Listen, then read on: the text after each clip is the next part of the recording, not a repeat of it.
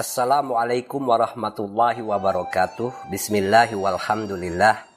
Wassalatu wassalamu ala rasulillah Muhammad ibn Abdullah wa ala alihi wa sahbihi wa man tabi'ahum bi ihsanin ila yaumil qiyamah amma ba'du. Faqala ta'ala ya ayyuhalladzina amanu idza qila lakum tafassahu fil majalisi fafsahu yafsahillahu lakum wa idza qila suzu fansuzu yarfa'illahu alladhina amanu minkum walladzina utul ilma darajat. Wa qala Rasulullah sallallahu alaihi wasallam man salaka tariqan yaltamisu fihi ilman sahhalallahu lahu tariqan ilal jannah. Al hadis au kama qala Rasulullah sallallahu alaihi wasallam. Para pemirsa sekalian di mana pun Anda berada, selamat berjumpa kembali dengan saya dalam rangka pengajian Tauhid membaca kitab Fathul Majid karya Syekh Nawawi Al-Bantani yang merupakan syarah dari kitab Ad-Dur Al-Farid fi Aqwaidi Ahli Tauhid karya Syekh eh, Imam Nahrawi Al-Misri. Pada kesempatan kali ini kita sudah memasuki sifat wajib bagi Allah yang kesembilan. Yang kemarin kita sudah membahas beberapa sifat wajib bagi Allah ada uh, dari wujud dan seterusnya sampai yang terakhir adalah soal uh, irodah. Dan kini kita lanjutkan pada sifat wajib yang kesembilan yaitu al ilmu bahwa Allah memiliki sifat wajib al ilmu apa yang dimaksud dengan sifat al ilmu itu? Nanti akan dijelaskan dengan bersama-sama kita membaca kitab ini. As-sifatu at-tasi'atu sifat yang kesembilan al wajibatu yang wajib lahu ta'ala bagi Allah subhanahu wa ta'ala. Itu al ilmu adalah al ilmu yaitu pengetahuan. Wahwa sifat ilmu itu sifatun yaitu satu sifat lahu ta'ala bagi Allah azaliyatun yang sudah ada sejak zaman azali. Jadi Allah memiliki sifat ilmu yang sifatnya itu memang sudah ada sejak zaman dahulu kala. Yang Ya, sama dengan zat Allah dan sifat-sifat lainnya. Adanya itu tidak ada awalnya dan tidak ada akhirnya. Itu yang dimaksud dengan azali, yaitu sesuatu yang ada tidak ada awalnya dan tidak ada akhirnya. Dan itu adalah sifat wajib Allah Subhanahu wa taala. Yang kali ini adalah al-ilmu. Maujudatun ada sifat ilmu itu. Qaimatun yang ada bidzatihi ta'ala pada zat Allah Subhanahu wa taala. Jadi zat Allah itu memiliki sifat ilmu, Allah itu berpengetahuan. Jadi Allah itu Maha tahu. Maka dalam sifat uh, uh, maknawiyah nanti ini kan masih sifat ma'ani yaitu sifat potensial. Potensialnya itu adalah pengetahuan. Maka nanti pada sifat ma'ani Allah disebut uh, maknawiyah Allah disebut aliman. Jadi zat yang maha mengetahui. Karena adanya sifat ilmu itu maka uh, Allah menjadi si, memiliki si, apa, menjadi zat yang maha mengetahui aliman Qaimatun bidzatihi ta'ala yang kasifu yang mana sifat ilmu ini bisa menyi yang kasifu lahu uh, sifat ilmu itu menyingkapkan segala sesuatu bagi Allah dengan sifat ilmu uh, dengan sifat ini kulla maklumin segala sesuatu yang diketahui. Jadi Allah itu maha mengetahui. Dengan ilmu ini Allah mengetahui. Dengan pengetahuan ini Allah itu mengetahui segala sesuatu. Ay ma min sya'nihi ayya'lama wa huwa ayyu'lama. Jadi mengetahui segala sesuatu yang memang bisa diketahui. Nah, jadi dengan sifat ilmu inilah Allah mengetahui segala sesuatu yang bisa diketahui. Wahwa yang diketahui itu yaitu kullu wajibin segala yang wajib wa kullu jaizin dan segala yang jaiz wa kullu mustahilin dan segala sesuatu yang mustahil. Jadi Allah itu mengetahui yang wajib, yang mustahil, yang jaiz. Allah tahu semuanya. Nanti sifat pengetahuan Allah itu bagaimana akan dijelaskan. Karena tentu beda dengan pengetahuan manusia. Manusia juga punya pengetahuan, tapi pengetahuan manusia itu terbatas. juga apa namanya pengetahuan manusia itu bersifat diupayakan. Kita tadinya tidak tahu karena belajar menjadi tahu dan seterusnya. Nanti akan dijelaskan teori-teori seperti itu. Jadi uh, sifat Allah ilmu ini menyebabkan Allah itu mengetahui segala sesuatu yang memang bisa diketahui. Baik sesuatu itu yang wajib, yang jais, ataupun yang mustahil. Ingat, yang wajib itu artinya pasti ada, wajib ada. Sedangkan yang mustahil itu artinya sesuatu yang mustahil ada, Sedangkan yang jais itu artinya sesuatu yang bisa ada dan bisa tidak ada. Jadi semuanya Allah, Allah tahu. Inkisafan dengan ketersingkapan. Jadi ilmu Allah itu mengetahui segala sesuatu. Sifatnya inkisafan, ketersingkapan, taman yang sempurna. Jadi Allah itu mengetahui segala sesuatu secara sempurna, tidak sepotong-sepotong, tidak berdasarkan ikhtiar pengetahuan apa sehingga kemudian menjadi tahu, tidak berdasarkan salah satu aspek tapi seluruhnya Allah tahu secara sempurna tentang segala sesuatu. Nah, manusia punya pengetahuan tapi pengetahuan manusia terbatas yang kadang-kadang sepotong-sepotong itu. Kita ada pengetahuan itu berdasarkan indera, ada pengetahuan itu berdasarkan teori atau logika, ada pengetahuan itu berdasarkan apa namanya ya sesuatu yang sifatnya badihi. Badihi itu artinya pasti, uh, uh, tapi di, diawali dengan ketidaktahuan. Manusia awalnya tidak tahu karena perkembangan waktu kemudian menjadi tahu. Nah sifat Allah ilmu ini tidak seperti itu. Allah tahu sejak azali Segala sesuatu Allah tahu dan pengetahuan Allah tentang segala sesuatu bersifat sempurna. Ini yang dimaksud dengan ingkisafan taman. Jadi segala sesuatu di hadapan Allah itu tersingkap secara sempurna, diketahui secara utuh, tidak sepotong-sepotong. La yahtamilu an nakid. Jadi pengetahuan Allah itu tidak mungkin salah, tidak mungkin berlawanan dengan fakta. Itu yang dimaksud dengan nakid biwajhin dalam satu aspek. Kita tahu umpamanya tentang sesuatu dari satu aspeknya. Apalagi kalau hal-hal yang rumit, manusia itu pasti tahu aspek tertentu, tapi aspek lainnya mereka tidak tidak tahu. Tidak ada manusia itu yang mengetahui segala sesuatu itu secara sempurna. Pasti pengetahuan manusia itu terbatas tentang segala sesuatu itu. Maka dari itu teori ilmu pengetahuan itu selalu berkembang. Karena teori yang dibangun oleh satu orang yang alim, yang pinter, seorang ilmuwan itu ternyata kemudian bisa dibantah oleh ilmuwan lainnya. Itu yang dimaksud dengan uh, la yahtamilu an nakid biwajhin. Jadi pengetahuan Allah itu tidak mungkin mengandung apa namanya pertentangan, tidak man, tidak mungkin mengandung kekurangan. Fakhoroja bitami maka dari kalimat atam itu tidak mungkin atau keluar kemudian kemungkinan adanya pengetahuan yang sifatnya azon.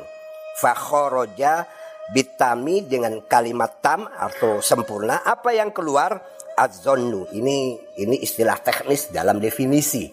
Jadi ketika Allah memiliki ilmu yang inkisafan taman, mampu menyingkap segala sesuatu itu secara sempurna, maka dengan kalimat taman sempurna ini, khoroja adzonnu tidak mungkin pengetahuan Allah itu berdasarkan zon. Apa zon itu? Dugaan, asumsi. Seperti pengetahuan manusia. Manusia ini kan banyak pengetahuannya itu hanya dugaan, hanya asumsi. Dan itu hal yang wajar namanya juga manusia memiliki keterbatasan. Maka kadang-kadang kita bicara tentang berbagai pengetahuan. Uh, jangankan yang rumit, yang sederhana, peristiwa tertentu, yang terjadi di lokasi tertentu ada orang yang memiliki pengetahuan tentang peristiwa itu ternyata orang lain juga memiliki pengetahuan tentang peristiwa itu yang berbeda jadi asumsi-asumsi yang berbeda itu zon namanya dan Allah tidak mungkin apa pengetahuannya itu bersifat zon dugaan atau asumsi wa wasaki dan juga keraguan jadi pengetahuan Allah itu tidak mungkin mengandung keraguan wal wahmi dan, dan juga dugaan-dugaan. Nah bedanya zon dengan waham itu kalau zon itu 50-50 yaitu bisa benar bisa salah. Sementara waham itu kemungkinan salahnya lebih besar daripada kemungkinan benarnya. Nah Allah pengetahuannya itu sempurna. Jadi tidak akan pernah mengandung zon, syak dan waham. Jadi pengetahuan Allah itu tidak bukan berbentuk dugaan, bukan berbentuk tidak juga ada keraguan dan juga tidak mengandung dugaan-dugaan yang kemungkinan salahnya lebih besar daripada benarnya. Itu mustahil semuanya itu. Fakulu mintil kasalasa. Semua itu dari tiga baik zon, syak dan juga apa waham mustahilun itu mustahil alaihi ta'ala bagi Allah subhanahu wa ta'ala. Tidak mungkin Allah itu punya pengetahuan, kemudian pengetahuannya berdasarkan asumsi gitu. Itu kayak pengetahuan kita manusia. Kalau kita menulis apa? Artikel-artikel ilmiah atau buku, itu teori-teori yang kita angkat di dalam artikel itu, pengetahuan yang kita sampaikan kepada masyarakat layak, itu bisa jadi benar, bisa jadi salah. Bisa jadi juga benar, tapi tidak sempurna karena mungkin nanti akan ada uh, tanggapan dari orang lain. Nah, itu lemahnya pengetahuan manusia, sedangkan pengetahuan Allah itu sifatnya sempurna, tidak mengandung dugaan, tidak mengandung keraguan. Nah, fakulu mintil kasal mustahil alih taala li'annaha uh, karena dengan tiga itu, tiga itu baik ta apa zon, syak dan waham li'annaha la yahsulu biha dengan tiga hal ini, layah sulu tidak berhasil, tidak mungkin terjadi. Apa yang tidak mungkin? Al-inkisab atam. Keterbukaan yang sempurna terhadap sesuatu. Sehingga orang mengetahuinya itu secara sempurna. Zon, waham, dan syak itu tidak akan mampu, tidak akan bisa menyingkap segala sesuatu itu secara sempurna. Dan makanya ketiganya itu mustahil bagi Allah. Karena pengetahuan Allah itu inkisafan taman, memiliki kemampuan menyingkap segala sesuatu itu secara sempurna. Nah, nanti akan ada perdebatan itu tentang apakah Allah itu mengetahui segala sesuatu itu secara global atau secara terperinci. Nah, nanti akan. Nah, pertanyaan ini ya inilah yang menyebabkan perbedaan pandangan para ulama, terutama ahli uh, ulama-ulama uh, ahli kalam, para teolog muslim dengan beberapa orang filosof muslim. Karena kita tahu dalam perdebatan itu ada filosof muslim atau filsuf muslim yang tidak mengakui pengetahuan Allah secara terinci. Allah hanya mengetahui sesuatu itu secara global. Rincinya Allah tidak tahu. Itu menurut beberapa filsaf apa filosof. Nah, para teolog muslim terutama uh, ahli tauhid dan ahli ilmu kalam dalam ahlus sunnah wal jamaah menegaskan bahwa Allah itu ya mengetahui globalnya, ya mengetahui perinciannya. Allah mengetahui apa yang terjadi di alam raya ini bukan cuma alam raya dalam pengertian global. Allah mengetahui jumlah bintang, jumlah daun-daun yang akan tumbuh, yang kemudian rontok, jumlah pasir di lautan itu Allah tahu. Jadi hal detil-detil itu Allah tahu. Menurut akidah ahlus sunnah wal jamaah.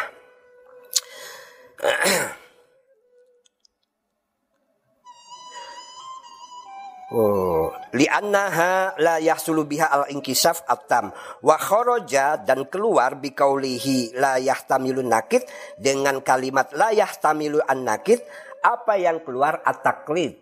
Jadi Allah itu pengetahuannya itu tidak mungkin salah tidak mungkin kemudian mengandung pertentangan. Maka dengan kalimat ini di dalam definisi ilmu Allah, tidak mungkin Allah itu taklid, mengikuti Allah itu pengetahuannya berdasarkan memang ilmunya Allah bukan karena pendapat orang lain kemudian Allah mengikuti gitu Beda dengan manusia. Manusia ketika berpikir selalu membutuhkan pemikiran orang lain, menuangkannya dalam buku, dalam artikel pasti merujuk pada referensi pendapat orang lain. Nah, sementara Allah itu mandiri dan sempurna pengetahuannya. Jadi tidak ada taklid pengetahuan Allah itu tidak taklid.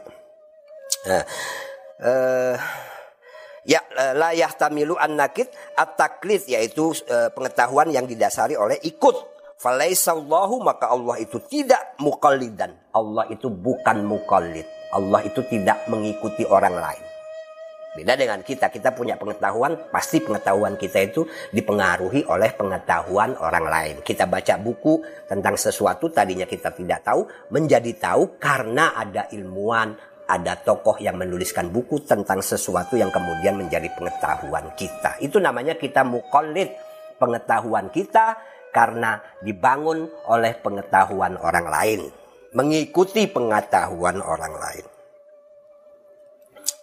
Uh, Falaisallahu muqallidan maka Allah itu bukan muqallid li ghairihi bukan mengikuti li ghairihi pada orang lain.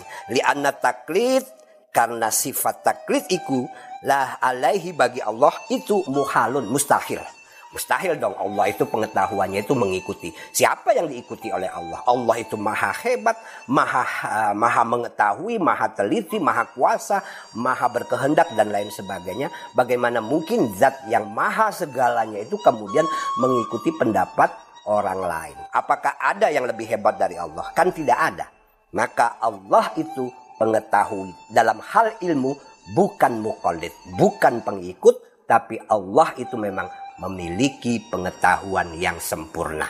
Nah, ilmunya Allah itu adalah ingkisafan taman, memiliki kemampuan menyingkap segala sesuatu secara sempurna, tidak mengandung uh, kontradiksi dan tidak mengandung kekurangan, bukan asumsi, bukan dugaan dan lain sebagainya. Lianna taklid karena karena yang namanya taklid itu alaihi bagi Allah itu muhalun mustahil mustahil Allah itu menjadi mukallid. Liannahu e, karena yang namanya taklid yakbalu e, kemungkinan yakbalu itu bisa terjadi pada taklid apa yang terjadi anakid yaitu pertentangan. Jadi kalau kita mengikuti orang dalam hal ilmu pengetahuan bisa jadi akan ada e, pendapat yang berbeda Mungkin bahkan pendapat itu bertentangan dengan apa yang kita terima dari orang lain gitu. Bitaskik dengan adanya keraguan. Bitaskiki musakik dengan keraguan yang disampaikan oleh orang-orang yang memberikan pandangan-pandangan yang berbeda. Jadi pengetahuan yang didasarkan oleh taklid itu pasti tidak kuat, pasti rapuh, pasti mungkin benar dan mungkin salah dan bisa digoyang oleh pendapat-pendapat orang lain yang beda. Fala yahsulu maka dengan adanya taklid itu bihi dengan taklid apa yang tidak bisa al inkisaf atam penyingkapan yang sempurna. Jadi kalau orang taklid itu tidak mungkin bisa dia menyingkap segala sesuatu itu dengan pengetahuan yang sempurna atau pengetahuannya tentang sesuatu itu pasti tidak sempurna, pasti ada kurangnya, pasti ada kelemahannya. Jadi tidak mungkin Allah itu taklid. Gitu. Ah. walahu dan bagi Allah Ta'ala tanjiz walahu dan bagi sifat ilmu uh, ta'allukun tanjiziyun kodimun Nah, ini istilah teknis dalam tauhid yang agak rumit. Sifat ilmu Allah Subhanahu wa taala itu memiliki ta'alluq tanjiziyun qadimun. Makna ta'aluk tanjiziyun qadimun itu artinya ilmunya Allah itu itu memiliki efektivitas pengetahuan yang berlaku tapi sudah bersifat kodim. Artinya bersifat kodim itu sudah dari zaman dulu. Allah tahu bahwa hari ini saya akan ngaji. Itu sudah ada. Allah sudah tahu. Allah sudah tahu apa yang akan terjadi besok. Dan itu sudah diketahui Allah sejak zaman azali. Itu makna dari bahwa sifat ilmu Allah itu memiliki ta'aluk tanjiziyun qadimun. Apa pun yang terjadi itu sudah ada dalam pengetahuan Allah Subhanahu wa taala. Besok apa yang terjadi Allah sudah tahu. Itu makna dari walahu ta'allukun tanjiziyun qadimun. Ta'aluk tanjizi qadim itu adalah efektivitas dari pengetahuan Allah terhadap apa pun yang terjadi di alam raya ini dan pengetahuan itu sudah ada sejak zaman azali. Besok ada bayi lahir, akan dinamakan Ahmad, akan dinamakan Aisyah, akan dinamakan Jamal, akan dinamakan Rina. Semua Allah itu sudah tahu. Sudah ada dalam pengetahuan Allah yang bersifat kodim itu. Itu makna dari ta'allukun tanjiziyun kodimun. Maka pengetahuan Allah itu tidak diawali oleh ketidaktahuan. Nah, kita manusia punya pengetahuan, tapi pengetahuan kita diawali oleh ketidaktahuan. Nah, besok apa yang terjadi kita nggak tahu. Nah, setelah besok datang ternyata ada seorang bayi lahir namanya Jamal, baru kita tahu. Tapi sebelumnya kita tidak tidak tahu atau ilmu-ilmu lainnya. Tadinya kita tidak tahu karena proses belajar kita menjadi tahu baik ilmu matematika, ilmu teknologi, ilmu kimia, ilmu fikih, ilmu tafsir dan ilmu-ilmu lainnya. Tadinya kita tahu, kita tahu karena ada proses belajar. Nah, itu namanya bahwa sifat ilmunya Allah itu memiliki ta'alluq tanjiziyun qadimun Wahwa yang dimaksud dengan ta'aluk tanjizi kodim al inkisaful wajibat yaitu Allah itu mengetahui segala sesuatu yang wajib wal mustahilat dan segala sesuatu yang mustahil wal jaizat dan segala sesuatu yang jaiz. Lahu ta'ala bagi Allah subhanahu wa ta'ala yang wajib apa ya? Contohnya Allah tahu bahwa zatnya itu wajib ada. Allah tahu bahwa zatnya itu wajib memiliki sifat uh, kidam. Allah tahu bahwa zatnya itu memiliki uh, wajib uh, sifat wajib uh, bako mukhalafatul hawadisi juga punya sifat irodah kudroh. Allah tahu. Nah, ini yang dimaksud mengetahui hal-hal yang wajib gitu loh. Hal-hal yang mustahil Allah juga tahu yaitu Allah tidak mungkin punya sekutu. La syarikallahu. Allah tidak mungkin punya anak. Allah tahu. Itu yang dimaksud dengan Allah itu ilmunya mengetahui segala sesuatu yang wajib dan sesuatu yang mustahil. Begitu juga Allah tahu dengan ilmunya itu tentang segala sesuatu yang jais. Yang jais itu apa? Yang mungkin ada dan mungkin tidak ada seperti kita dan alam raya ini. Karena adanya alam raya ini tidak wajib. Adanya alam raya ini murni karena Allah berkehendak alam raya ini ada. Karena Allah berkehendak alam raya ini ada, maka alam raya ini ada. Dan tidak ada yang bisa memaksa Allah untuk mengadakan alam raya. Allah harus mengadakan alam raya, tidak ada. Allah menghendaki alam raya ada, itu ada adalah murni karena kehendak bebas Allah. Maka adanya kita dan alam raya ini masuk dalam kategori al-jaizat yaitu segala sesuatu yang boleh ada atau bisa ada dan bisa tidak ada. Nah, ini penting. Jadi Allah itu ilmunya menyingkap segala sesuatu baik yang wajib, baik yang mustahil ataupun yang jais. Mudah-mudahan bisa dipahami.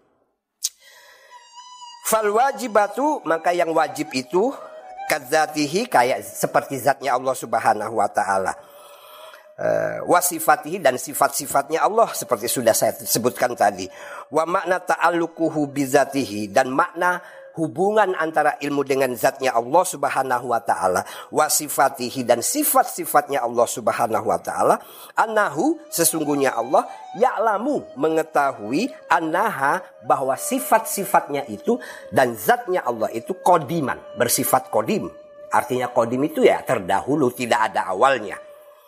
Kodiman eh kodiman wajibatan dan bersifat wajib wajibatal wujudi dan adanya bersifat wajib. Jadi tidak mungkin Allah itu tidak mengetahui bahwa zatnya itu wajibatul wujud. Sifatnya itu juga wajibatul wujud dan kodiman. Sifatnya itu azali.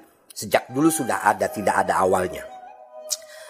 La yatra'u alaiha tidak mungkin terjadi pada zat Allah dan sifat-sifatnya. Apa yang tidak mungkin terjadi? Uh, uh, apa al-adam tidak ada tidak mungkin zatnya Allah itu tidak ada dan tidak mungkin sifat-sifatnya Allah itu tidak ada. Zat dan sifat-sifatnya Allah itu wajib ada. Dan Allah dengan ilmunya tahu bahwa zatnya, sifat-sifatnya wajib ada. Wa anna zatahu dan juga Allah tahu bahwa zatnya Allah itu laisat bukan fi makanin dalam satu tempat gitu loh. Jadi Allah itu tidak berada di satu tempat maka tidak boleh dikatakan bahwa Allah itu berada di atas di atas ars atau di bawah ars. Itu tidak boleh kita mengatakan seperti itu.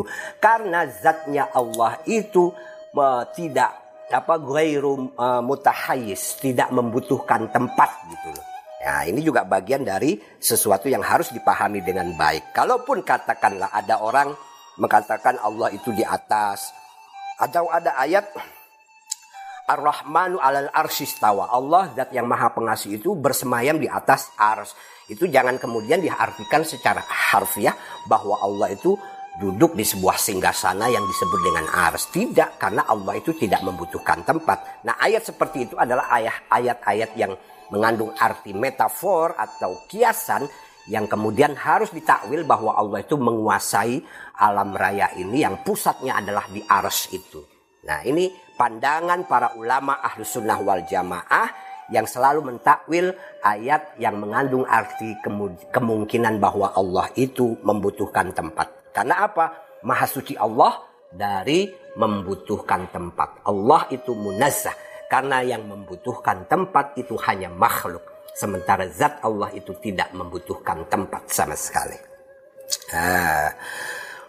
Wala yamuru alaiha zamanun dan Allah itu juga tidak dilalui oleh zaman. Nah, ini agak rumit. Bagaimana maksudnya Allah tidak dilalui oleh zaman? Fala yahtasu bimuqaranati zaman wa huwa ta'ala maujudun qabla zaman. Karena Allah itu ada sebelum adanya zaman.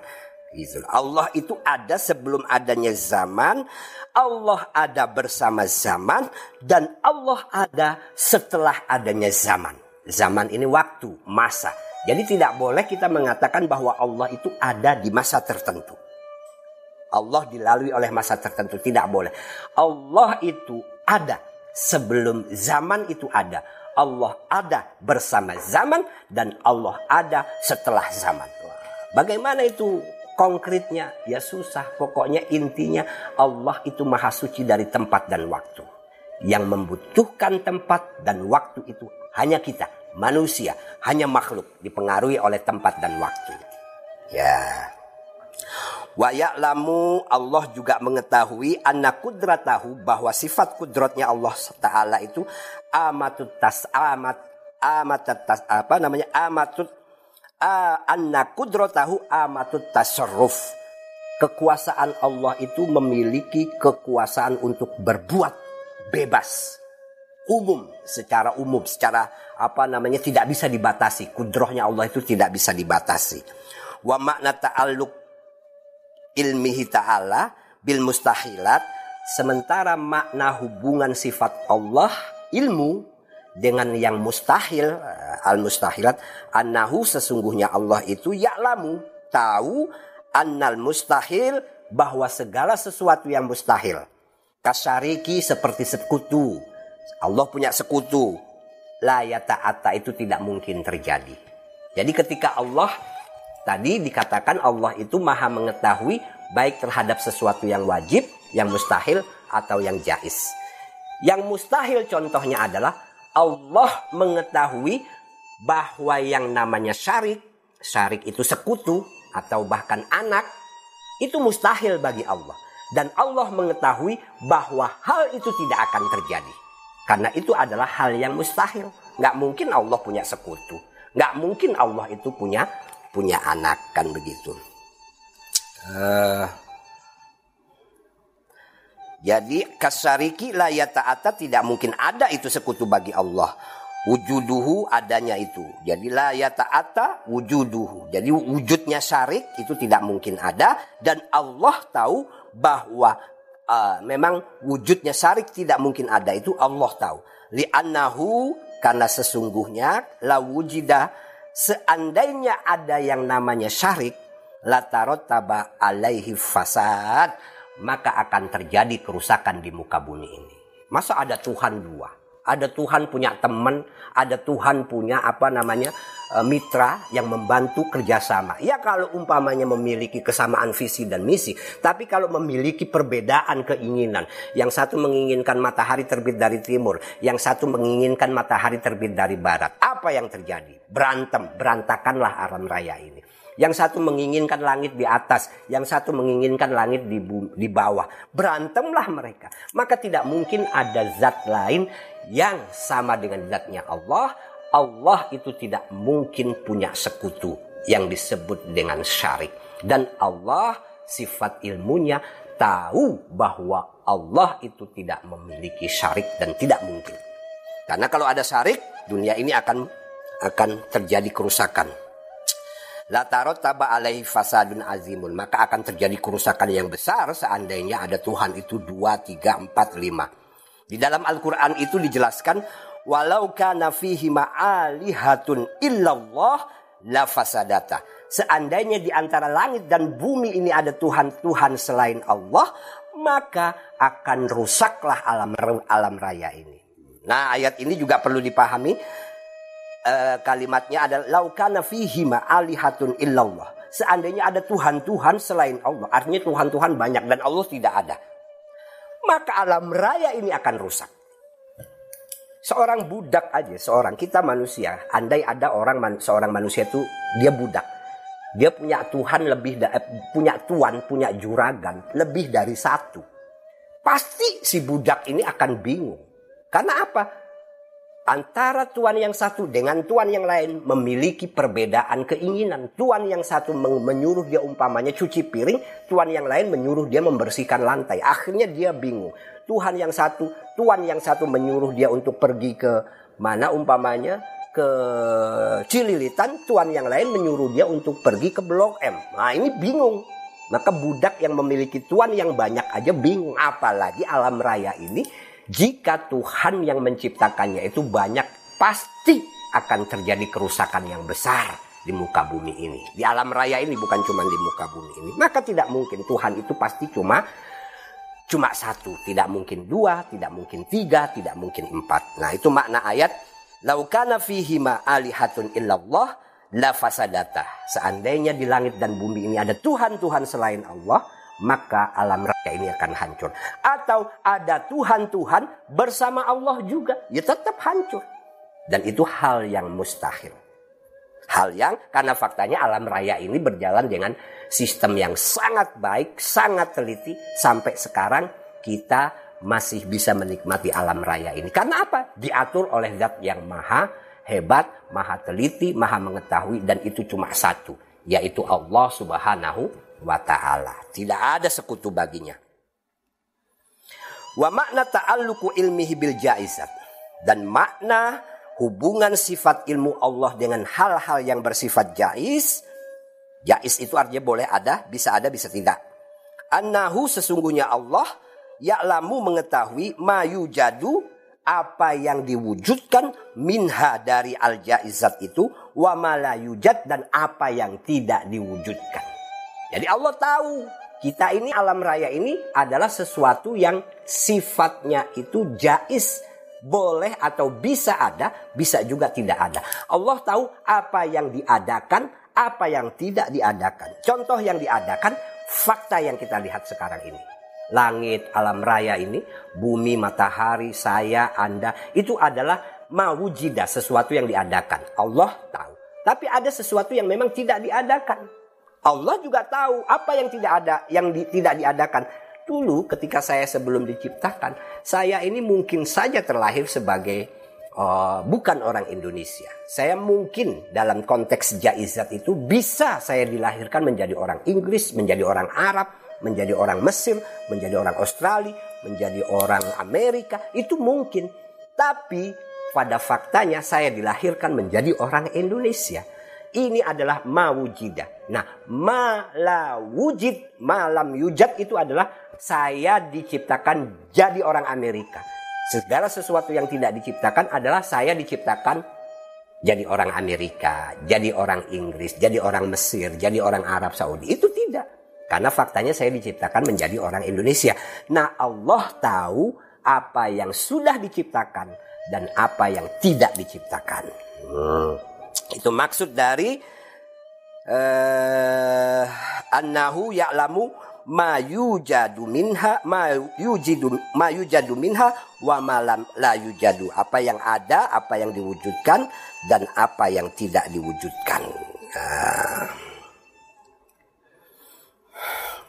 tapi ini menarik dulu ada kisah ini. Ini di dalam syarahnya itu dijelaskan.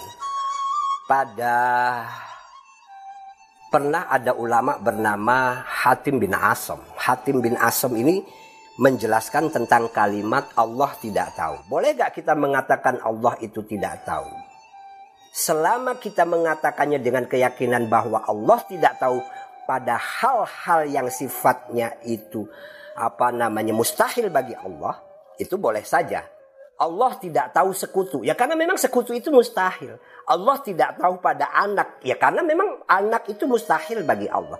Karena di dalam Al-Quran itu ada ayat yang menyatakan begini. Uh, yaitu ayat yang terdapat dalam surah Yunus ayat ke-18.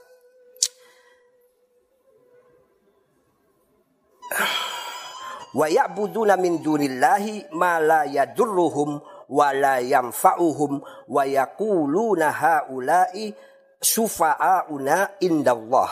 Kul atunabbi'una allaha bima la ya'lamu fis samawati wala fil ard. Ini ayat ini menyangkut orang-orang yang menyembah berhala. Jadi orang-orang ini mengatakan bahwa para berhala itu itu adalah akan uh, yang pasti akan menyelamatkan kami gitu mereka berkeyakinan para berhala ini akan menyelamatkan kami. Maka kata Al-Quran kepada Nabi Muhammad, Kul wahai Muhammad, katakanlah kepada mereka, uh, ini mahalul kiamnya itu, Atunabbi'unallaha, apakah kalian akan memberitahu kepada Allah, bima la ya'lamu, tentang sesuatu yang Allah tidak tahu. Tentang sesuatu yang Allah tidak tahu, fis samawati wala fil ard baik di langit ataupun di bumi. Apa sih sebetulnya kok ada kalimat Allah tidak tahu? Yang dimaksud ada kalimat Allah tidak tahu di sini adalah Allah tidak tahu bahwa berhala-berhala itu memiliki apa kemampuan memberikan manfaat, kemampuan memberikan mudarat, kemampuan menyelamatkan orang-orang yang menyembahnya. Allah tidak tahu. Kenapa disebut tidak tahu? Karena adanya berhala yang memberikan manfaat, yang memberikan mudorot dan menolong penyembahnya itu mustahil. Jadi Allah itu tidak tahu pada sesuatu yang mustahil. Gitu loh. Rincian yang mustahil itu bahwa sesuatu itu mustahil Allah tahu. Ini untuk membantah para penyembah berhala yang memiliki keyakinan bahwa berhala itu mampu memberikan manfaat, mampu mendatangkan mudarat, dan mampu menyelamatkan mereka. Nah, mereka itu kemudian ditegur oleh Al-Quran, apakah kalian ingin memberitahu kepada Allah tentang segala sesuatu atau tentang sesuatu yang Allah tidak tahu di langit dan di bumi. Artinya Allah tidak tahu, ya memang tidak akan ada berhala yang mampu memberikan manfaat, mendatangkan mudorot, dan menyembah atau menyelamatkan para penyembahnya. Ini ada ayat di dalam surah Ayunus, surah Yunus ayat 18. Jadi ada kalimat Allah tidak tahu itu maknanya seperti itu. Dulu juga ada ulama namanya Hatim bin Asom itu pernah datang ke Baghdad. Dia ketemu dengan kemudian dikatakan oleh penduduk Baghdad, wahai uh, kalau orang kita sekarang ini manggil katakanlah kiai lah ya Hatim bin Asom ini, wahai kiai, di Baghdad ini ada orang Yahudi. Orang Yahudi ini selalu berdebat dengan para ulama dan dia selalu menang gitu loh.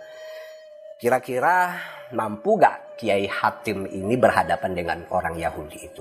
Apa kata Kiai? Ya sudah kata Kiai Hatim, datangkan saja orang Yahudi itu, biar kita ngobrol. Akhirnya bertemulah dengan orang Yahudi itu si siapa? Uh, Hatim bin Asom ini. Nah kemudian orang Yahudi itu memang mendebat, mengajak berdiskusi. Bertanya kepada Hatim itu, apakah Allah itu uh, kata Hatim itu dia bertanya kepada Hatim. Orang Yahudi ini bertanya kepada Hatim tentang sesuatu yang Allah tidak tahu. Ada gak sesuatu yang Allah tidak tahu? Itu yang pertama. Jadi ada empat pertanyaan. Uh, kedua, Hatim ditanya, uh, tapi sebelum menjawab pertanyaan Yahudi ini, Hatim juga meminta si Yahudi ini, kalau saya mampu menjawab pertanyaan Anda, apakah Anda bersedia untuk mengakui kebenaran Islam? Kata orang Yahudi, bersedia. Maka terjadilah diskusi. Pertanyaan pertama, adakah sesuatu yang tidak diketahui oleh Allah di muka bumi ini atau di alam raya ini? Itu yang pertama. Pertanyaan kedua, uh,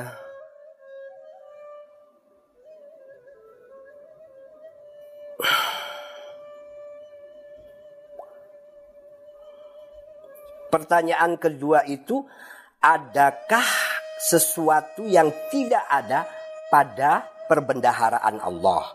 Yang ketiga, adakah sesuatu yang diminta oleh Allah? Jadi uh, yang pertama itu pertanyaannya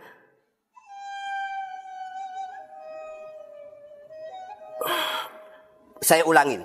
Pertama pertanyaan si Hatim apa Yahudi kepada Hatim itu tentang sesuatu yang Allah tidak tahu.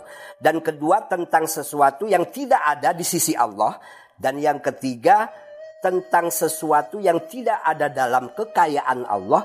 Dan yang keempat tentang sesuatu yang diminta oleh Allah dari para hambanya. Ini empat pertanyaan. Pertama, adakah Allah itu yang tidak, adakah sesuatu yang tidak diketahui oleh Allah?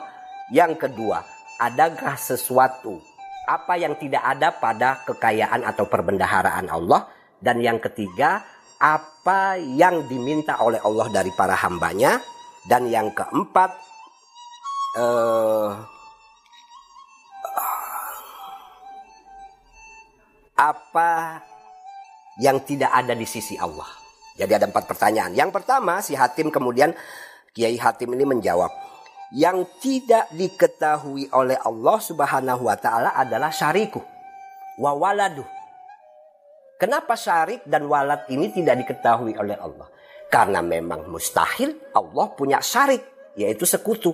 Mustahil Allah itu punya anak. Ini berkenaan dengan hal yang mustahil. Maka Allah tidak mengetahui bagaimana sesuatu yang tidak ada kok diketahui gitu. Tidak mungkin ada. Ini mustahil tidak mungkin diketahui. Maka kata Hatim yang tidak diketahui oleh Allah itu adalah sekutu anak. Karena tidak mungkin Allah itu punya sekutu, punya anak. Allah itu tidak mungkin punya mitra, punya apa namanya uh, zat lain, ada zat lain yang sama dengan Allah. Allah tidak tahu karena memang itu mustahil adanya.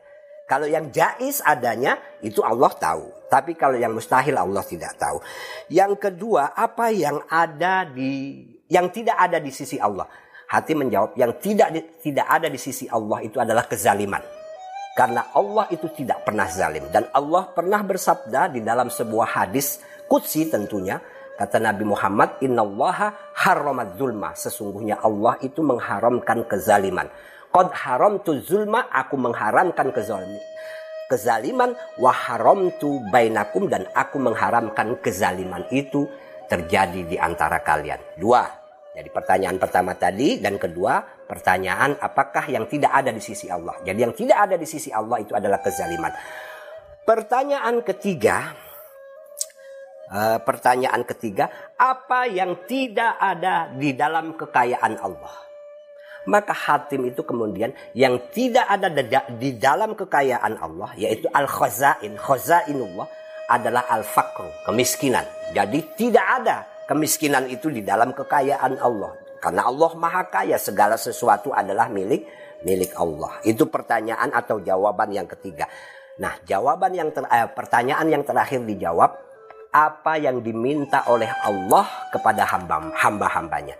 Maka hati menjawab yang diminta oleh Allah kepada hamba-hambanya adalah al-qardu. Apa itu al-qardu? Utang atau bahasa lain adalah sedekah. Karena sedekah itu adalah utang. Artinya apa? Di dalam ayat Allah pernah uh, sebuah ayat Allah pernah berfirman bahwa orang Islam, orang mukmin yang bersedekah kepada Allah itu pada hakikatnya dia adalah memberikan utangan kepada Allah yang suatu saat akan Allah kembalikan dengan balasan yang lebih besar. Jadi yang diminta oleh Allah dari para hambanya adalah sedekah. Karena setiap orang bersedekah pasti berharap balasan pahala dari Allah. Maka yang diminta oleh Allah dari para hambanya adalah bersedekah. Ketika empat hal ini dipertanyaan dijawab oleh Hatim kepada orang Yahudi itu dan orang Yahudi itu mengatakan bahwa jawabannya luar biasa benar dan dia memenuhi janjinya untuk kemudian mengakui kebenaran Islam kemudian orang Yahudi itu memeluk Islam. Tuh. Jadi kalau ada kalimat di dalam Al-Quran itu bahwa Allah tidak tahu yang terdapat dalam surah Yunus ayat ke-18 itu maksudnya bahwa Allah tidak tahu pada sesuatu yang memang mustahil adanya. Bahwa sesuatu itu mustahil adanya Allah tahu. Tapi sesuatu yang mustahil jelas tidak diketahui. Orang dia mustahil kok. Ya contohnya itu sekutu, anak, Allah punya istri, Allah membutuhkan apa makanan, itu mustahil. Jadi seperti itu. Hmm. Wa'lam dan ketahui ketahuilah anna ilmahu ta'ala sesungguhnya Allah ilmunya itu ilmunya Allah Subhanahu wa taala ya'lama ya'lamu uh, Allah mengetahui bihi dengan ilmunya al kulliyat segala sesuatu itu dalam pengertian umum. Allah mengetahui wal juz'iyat dan juga secara terperinci. Allah tahu jumlah pasir Allah tahu jumlah daun yang ada di seluruh tumbuh-tumbuhan yang ada di muka bumi ini Allah itu tahu. Jadi beda dengan kelompok falasifa atau filosof yang mengatakan bahwa Allah itu hanya mengetahui al-kulliyat. Tapi Allah tidak mengetahui al-juz'iyat. Nah gitu loh. Nah sementara bagi kita ahlu sunnah wal jamaah Allah itu mengetahui ya secara umum dan juga secara terperinci. Faya'lamu maka Allah mengetahui mengetahui mafil ardi segala sesuatu di bumi ini minjibalin baik gunung-gunung wa asjarin dan juga pohon wa nabatin dan tumbuh-tumbuhan. Wa ya'lamu bahkan Allah tahu kam fil ardi berapa jumlah semut min namlatin wa romlatin baik semut ataupun pasir jumlahnya Allah tahu yang ada di muka bumi ini. Wasajarotin dan tumbuh-tumbuhan Allah tahu wawarokotin dan juga dedaunan. Allah tahu jumlahnya. Ini menggambarkan betapa sempurnanya pengetahuan Allah. Kita manusia, eh jangankan lah apa eh, jumlah tumbuh-tumbuhan di muka bumi ini. Kadang-kadang ada orang bergerumun aja kita udah nggak tahu berapa jumlahnya, ya kan? Bahkan sesuatu yang besar kayak rumah nih di Jakarta kira-kira jumlahnya ada berapa kita nggak tahu sudah. Ya, Allah itu maha tahu. Jadi taunya itu baik secara umum ataupun secara terperinci sehingga Allah tahu jumlah gunung, jumlah pasir, jumlah dedaunan, jumlah tumbuhan, jumlah semut yang ada di muka bumi ini. Nah. Wa ya'lamu ma sama dan Allah juga mengetahui apa-apa yang ada di langit. Bulan, bintang, matahari, bintang itu jumlahnya ada berapa? Saya pernah ditanya orang, E, tahu gak jumlah bintang? Tahu berapa? Ada kurang lebih satu juta dua ratus lah. Yang benar. Ya kalau nggak percaya hitung aja sendiri gitu.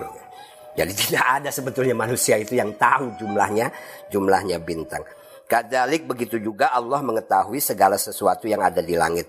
Wa mina Waman nafa dan barang siapa yang meniadakan ilmahu pengetahuan Allah subhanahu wa ta'ala bil juz'iyat terhadap hal yang rinci-rinci itu fahuwa kafir maka dia termasuk kafir. Kafir dalam pengertian akidah.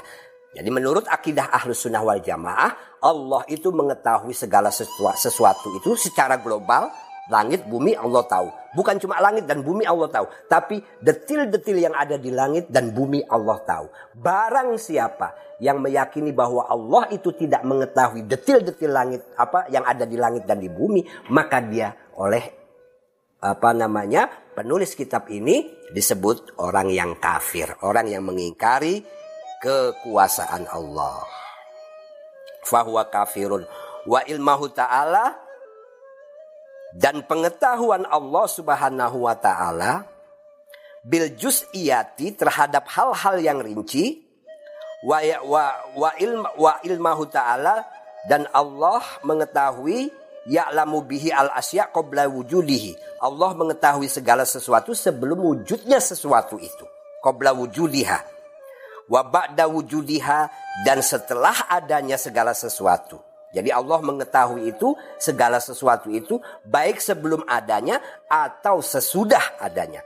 Fal ghaibu maka yang disebut dengan yang gaib kal hadir itu sama dengan sesuatu yang hadir fi haqqihi ta'ala di hadapan Allah Subhanahu wa taala. Istilah gaib dan hadir itu hanya untuk manusia. Kita kalau terhadap yang hadir kita bisa tahu. Yang hadir itu artinya sesuatu yang bisa kita pandang, kita lihat, kita dengar. Contoh, sekarang ini saya berada di ruangan ini.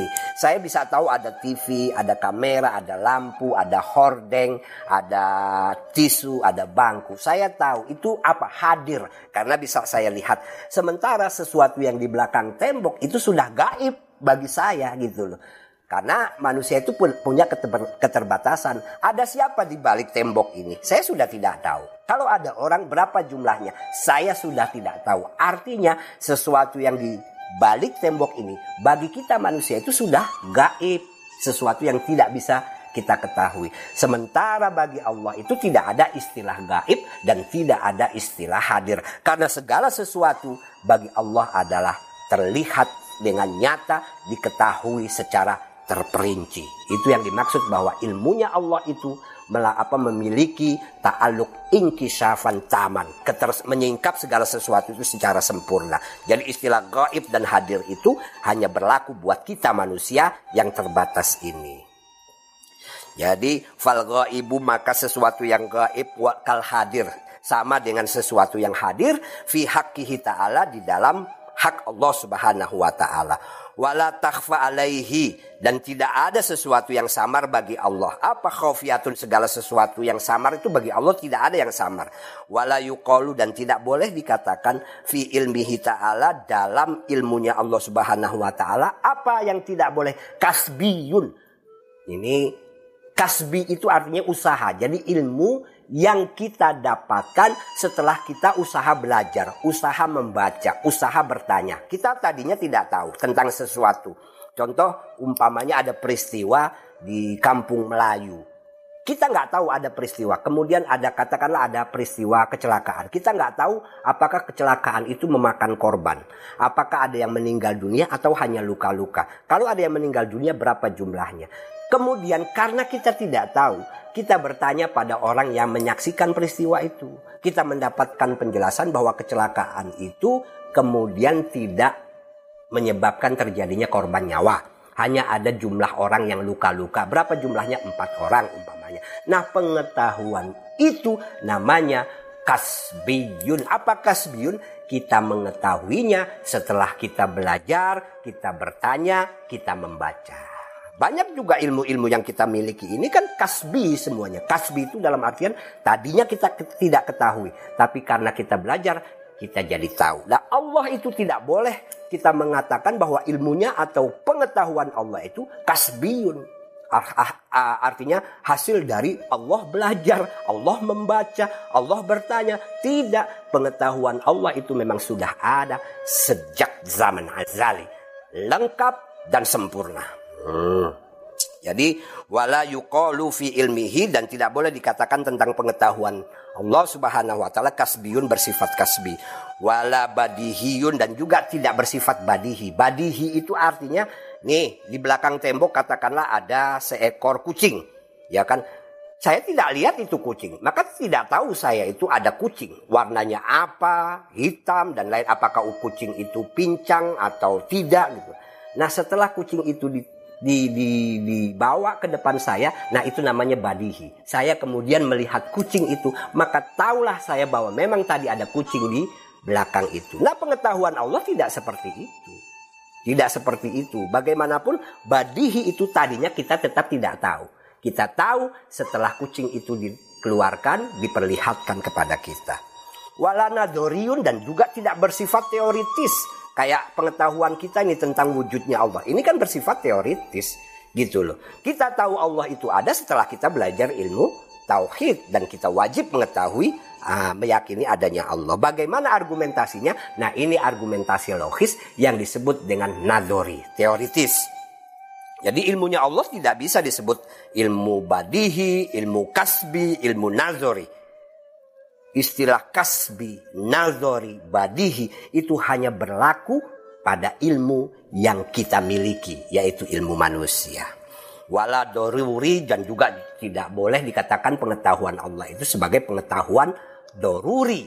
Doruri itu pengetahuan yang istilahnya itu berdasarkan apa namanya eh, aksioma-aksioma nyata yang kita hidup sehari-hari.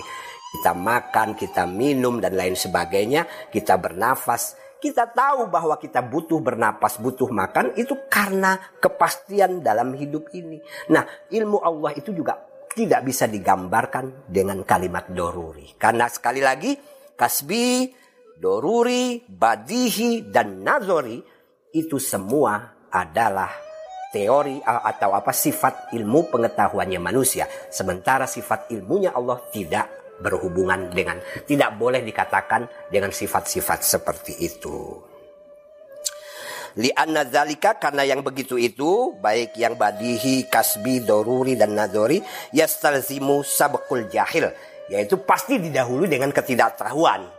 Semua itu teori apa namanya sifat-sifat pengetahuan yang empat itu tadi itu pasti didahului dengan ketidaktahuan. Ketidaktahuan kita dari lahir tidak tahu sebetulnya teori bahwa manusia itu wajib bernafas.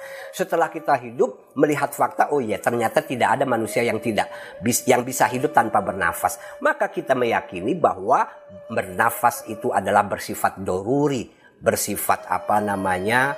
Uh, kebutuhan yang tidak bisa dihindarkan oleh manusia. Itu namanya awalnya juga kita tidak tahu. Ya minimal pengetahuan yang paling gampang tidak ada bayi yang lahir itu mengetahui segala sesuatu. Pasti orang lahir itu awalnya tidak tahu segala sesuatu. Intinya pengetahuan manusia pasti diawali dengan ketidaktahuan. Wallahu ta'ala sementara Allah subhanahu wa ta'ala munazzahun anhu yaitu maha suci dari ketidaktahuan setelah apa yang kemudian menjadi tahu. Jadi Allah maha suci dari ketidaktahuan. Ilmunya Allah itu bersifat azali, qadim. Jadi sudah ada sejak zaman dulu. Tidak diawali dengan ketidaktahuan. Wadalilu, nah kita terakhir, argumentasi ala subutil ilmi Uh, bagi tetapnya sifat ilmu lahu ta'ala bagi Allah subhanahu wa ta'ala. Jadi argumentasi bahwa memil Allah memiliki sifat ilmu adalah wujudul alam. Jadi kalau ditanya apa bukti Allah itu memiliki sifat ilmu? Ya wujudnya alam ini, adanya alam raya ini.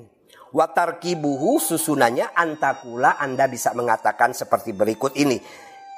Iza lam takun aliman Iza lam yakun aliman. Seandainya Allah itu bukan zat yang maha mengetahui. Artinya tidak memiliki ilmu. Seandainya demikian. Lakana jahilan. Berarti Allah itu bodoh. Gitu loh. Kalau Allah tidak punya ilmu berarti Allah bodoh. Walau kana jahilan. Seandainya Allah bodoh. Ini sekali lagi. Ini teori logika. Laukana jahilan. Seandainya Allah itu bodoh. Lantafat anhu al-kudrah. Seandainya Allah itu bodoh, maka tidak mungkin Allah memiliki sifat kudrah, kekuasaan, kemampuan. Nah, wal irodah dan juga kehendak. Bagaimana orang yang tidak memiliki pengetahuan memiliki sifat kehendak dan juga sifat kuasa? Tidak mungkin itu. Gitu. Walau intafaya, seandainya sifat kudroh dan sifat irodah itu tidak ada pada Allah, anhu lam yujad syai'un maka tidak akan ada sesuatu apa pun. Jadi kalau Allah itu tidak alim maka Allah itu bodoh. Kalau Allah itu bodoh, maka Allah tidak memiliki sifat kudrah dan irodah. Kalau Allah tidak memiliki sifat kudrah dan irodah, maka tidak akan ada apa pun di alam raya ini. Bagaimana, bagaimana mungkin ada sesuatu tapi diciptakan oleh zat yang tidak memiliki kekuasaan dan kehendak. Tidak mungkin itu. Nah, lam yujad syai'un minal alam. Jadi tidak ada sesuatu pun dari alam raya ini. Lakin akan tetapi ada wujudi syai' minal alam. Tidak adanya wujudnya sesuatu dari alam raya ini batilun. Itu batil. Karena apa? Faktanya kita bisa melihat orang alam raya ini ada, kamera ada, Gedung ini ada, kita ada, kitab ini ada, pulpen ada. Nah, ini faktanya. Maka tidak adanya sesuatu di alam raya ini, apa pun gitu, itu batil. Batil itu artinya eh, apa ya? Ya tidak sesuai dengan fakta. Li'annahu karena yang namanya tidak adanya sesuatu dari alam raya ini khilaful hisi tidak sesuai fakta wal ayan dan juga tidak sesuai dengan keadaan asli faktanya gitu loh His itu artinya tidak sesuai dengan apa yang kita lihat, apa yang kita dengar. Wal ayan itu tidak sesuai dengan apa yang ada di sekitar kita. Faktanya memang ada. Jadi alam itu tidak ada, ya tidak ada. Karena alam raya itu faktanya ada dengan segala isinya. Nah, Fabatola maka menjadi batallah ma'adda ilahi segala sesuatu yang mengantarkan kepada uh, sifat uh, tidak adanya alam raya ini. Nah, wahwa yaitu intifa'uhuma anhu ketiadaan kudroh dan irodah dari Allah. Itu tidak mungkin karena adanya alam raya ini. Wasabata maka sifat kudroh dan irodah tetap lahu bagi Allah Subhanahu wa taala li annal murid karena zat yang maha berkehendak wal qadir dan zat yang maha berkuasa la buddha harus wa ayyakuna aliman. Dia harus orang atau zat itu juga harus memiliki sifat ilmu, aliman. Wa idza sabata lahu ta'ala al ilmu. Ketika sifat ilmu itu sudah menjadi pasti bagi Allah, istahala maka mustahillah alaihi bagi Allah apa yang mustahil apa yang mustahil al jahlu yaitu sifat bodoh. Tidak mungkin Allah itu tidak memiliki ilmu atau bodoh. Tidak mungkin. Alladzi huwa diddul ilmi yang al jahlu itu bodoh itu lawan daripada ilmu. Jadi tetaplah bahwa Allah itu memiliki sifat ilmu dengan argumentasi yang sudah kita, uh, kita baca dan kita runutkan uh, seperti tadi jadi Allah wajib atau sifat wajib bagi Allah itu adalah ilmu karena buktinya adalah wujudnya alam raya ini. Karena alam raya ini diciptakan tidak mungkin oleh zat yang bodoh. Karena zat yang bodoh itu tidak mungkin memiliki kekuasaan dan kehendak. Kalau zat yang bodoh itu tidak memiliki kekuasaan dan kehendak, maka tidak mungkin dia mampu menciptakan alam raya ini. Oke. Maka Faktanya alam raya ini ada, maka alam raya ini diciptakan. Yang menciptakan pasti memiliki sifat kehendak dan kekuasaan dan juga memiliki sifat pengetahuan yang utuh. Maka Allah itu memiliki sifat ilmu, mustahil Allah itu bodoh atau al-jahlu di mana al-jahlu itu adalah lawan dari sifat ilmu. Maka jahlu itu atau bodoh itu mustahil bagi Allah Subhanahu wa taala. Baik para pemirsa sekalian, kita sudah jelaskan tentang sifat ilmu Allah. Uh, kita akan melanjutkan nanti pada pertemuan yang akan datang sifat ke-10 yang wajib bagi Allah yaitu al-hayat atau hidup. Ini ada pertanyaan dari Ulfiana Channel. Ngapunten Kiai, emang boleh kita mengatakan bahwa Allah itu tidak tahu? Kalau kita mengatakan Allah tidak tahu seakan kita menghilangkan sifat Allah itu alimun. Nah, sedangkan Allah itu mempunyai sifat maha mengetahui. Nah, ini sebetulnya tadi sudah saya jawab. Jadi di dalam Al-Qur'an itu terutama kita lihat di surah Yunus ayat ke-18 itu ada ayat yang menyatakan begini. Uh, wa ya'buduna min dunillahi ma la yadurruhum wa la yanfa'uhum wa yaquluna haula'i syufa'auna indallah. Jadi orang-orang penyembah berhala ini mereka meyakini bahwa berhala ini itu akan memberikan bantuan atau syafaat atau menjadi penolong mereka di hadapan Allah nanti. Nah, oleh Al-Quran itu dibantah gitu loh. Fa'akul, katakan wahai Muhammad, atunabbi'unallaha. Apakah kalian memberitahukan kepada Allah tentang berhala-berhala ini yang akan memberikan syafaat kepadamu di hadapanku seolah-olah begitu? Kata Allah, atu anu atunabbi'unallaha. Apakah kalian memberitahukan kepada Allah bima la tentang sesuatu yang Allah tidak tahu. Nah, kalimatnya di sini layak lamu. Fis samawati wala fil ardi di langit maupun di bumi. Jadi Allah itu tidak tahu adanya berhala yang bisa memberikan syafaat kepada penyembahnya di hadapan Allah. Tidak tahunya ini berhubungan dengan kemustahilan karena berhala itu bisa memberikan syafaat di hadapan Allah kepada para penyembahnya itu sesuatu yang mustahil gitu loh. Jadi Allah tidak tahu pada tentang sesuatu yang memang mustahil. Bahwa sesuatu itu mustahil Allah tahu. Tapi sesuatu yang mustahil Allah tidak tahu. Sama dengan Allah itu punya sekutu. Allah punya anak. Allah tahu bahwa itu mustahil. Tapi sekutunya, anaknya, ya Allah tidak tahu karena itu mustahil gitu loh. Jadi kalimat Allah tidak tahu di sini dipahami harus seperti itu. Berhubungan dengan hal-hal yang mustahil. Jadi itu jawabannya. Mudah-mudahan dapat dipahami dengan baik. Uh, mungkin ada lagi pertanyaan yang lain. Coba saya lihat di WA. Mungkin ada pertanyaan.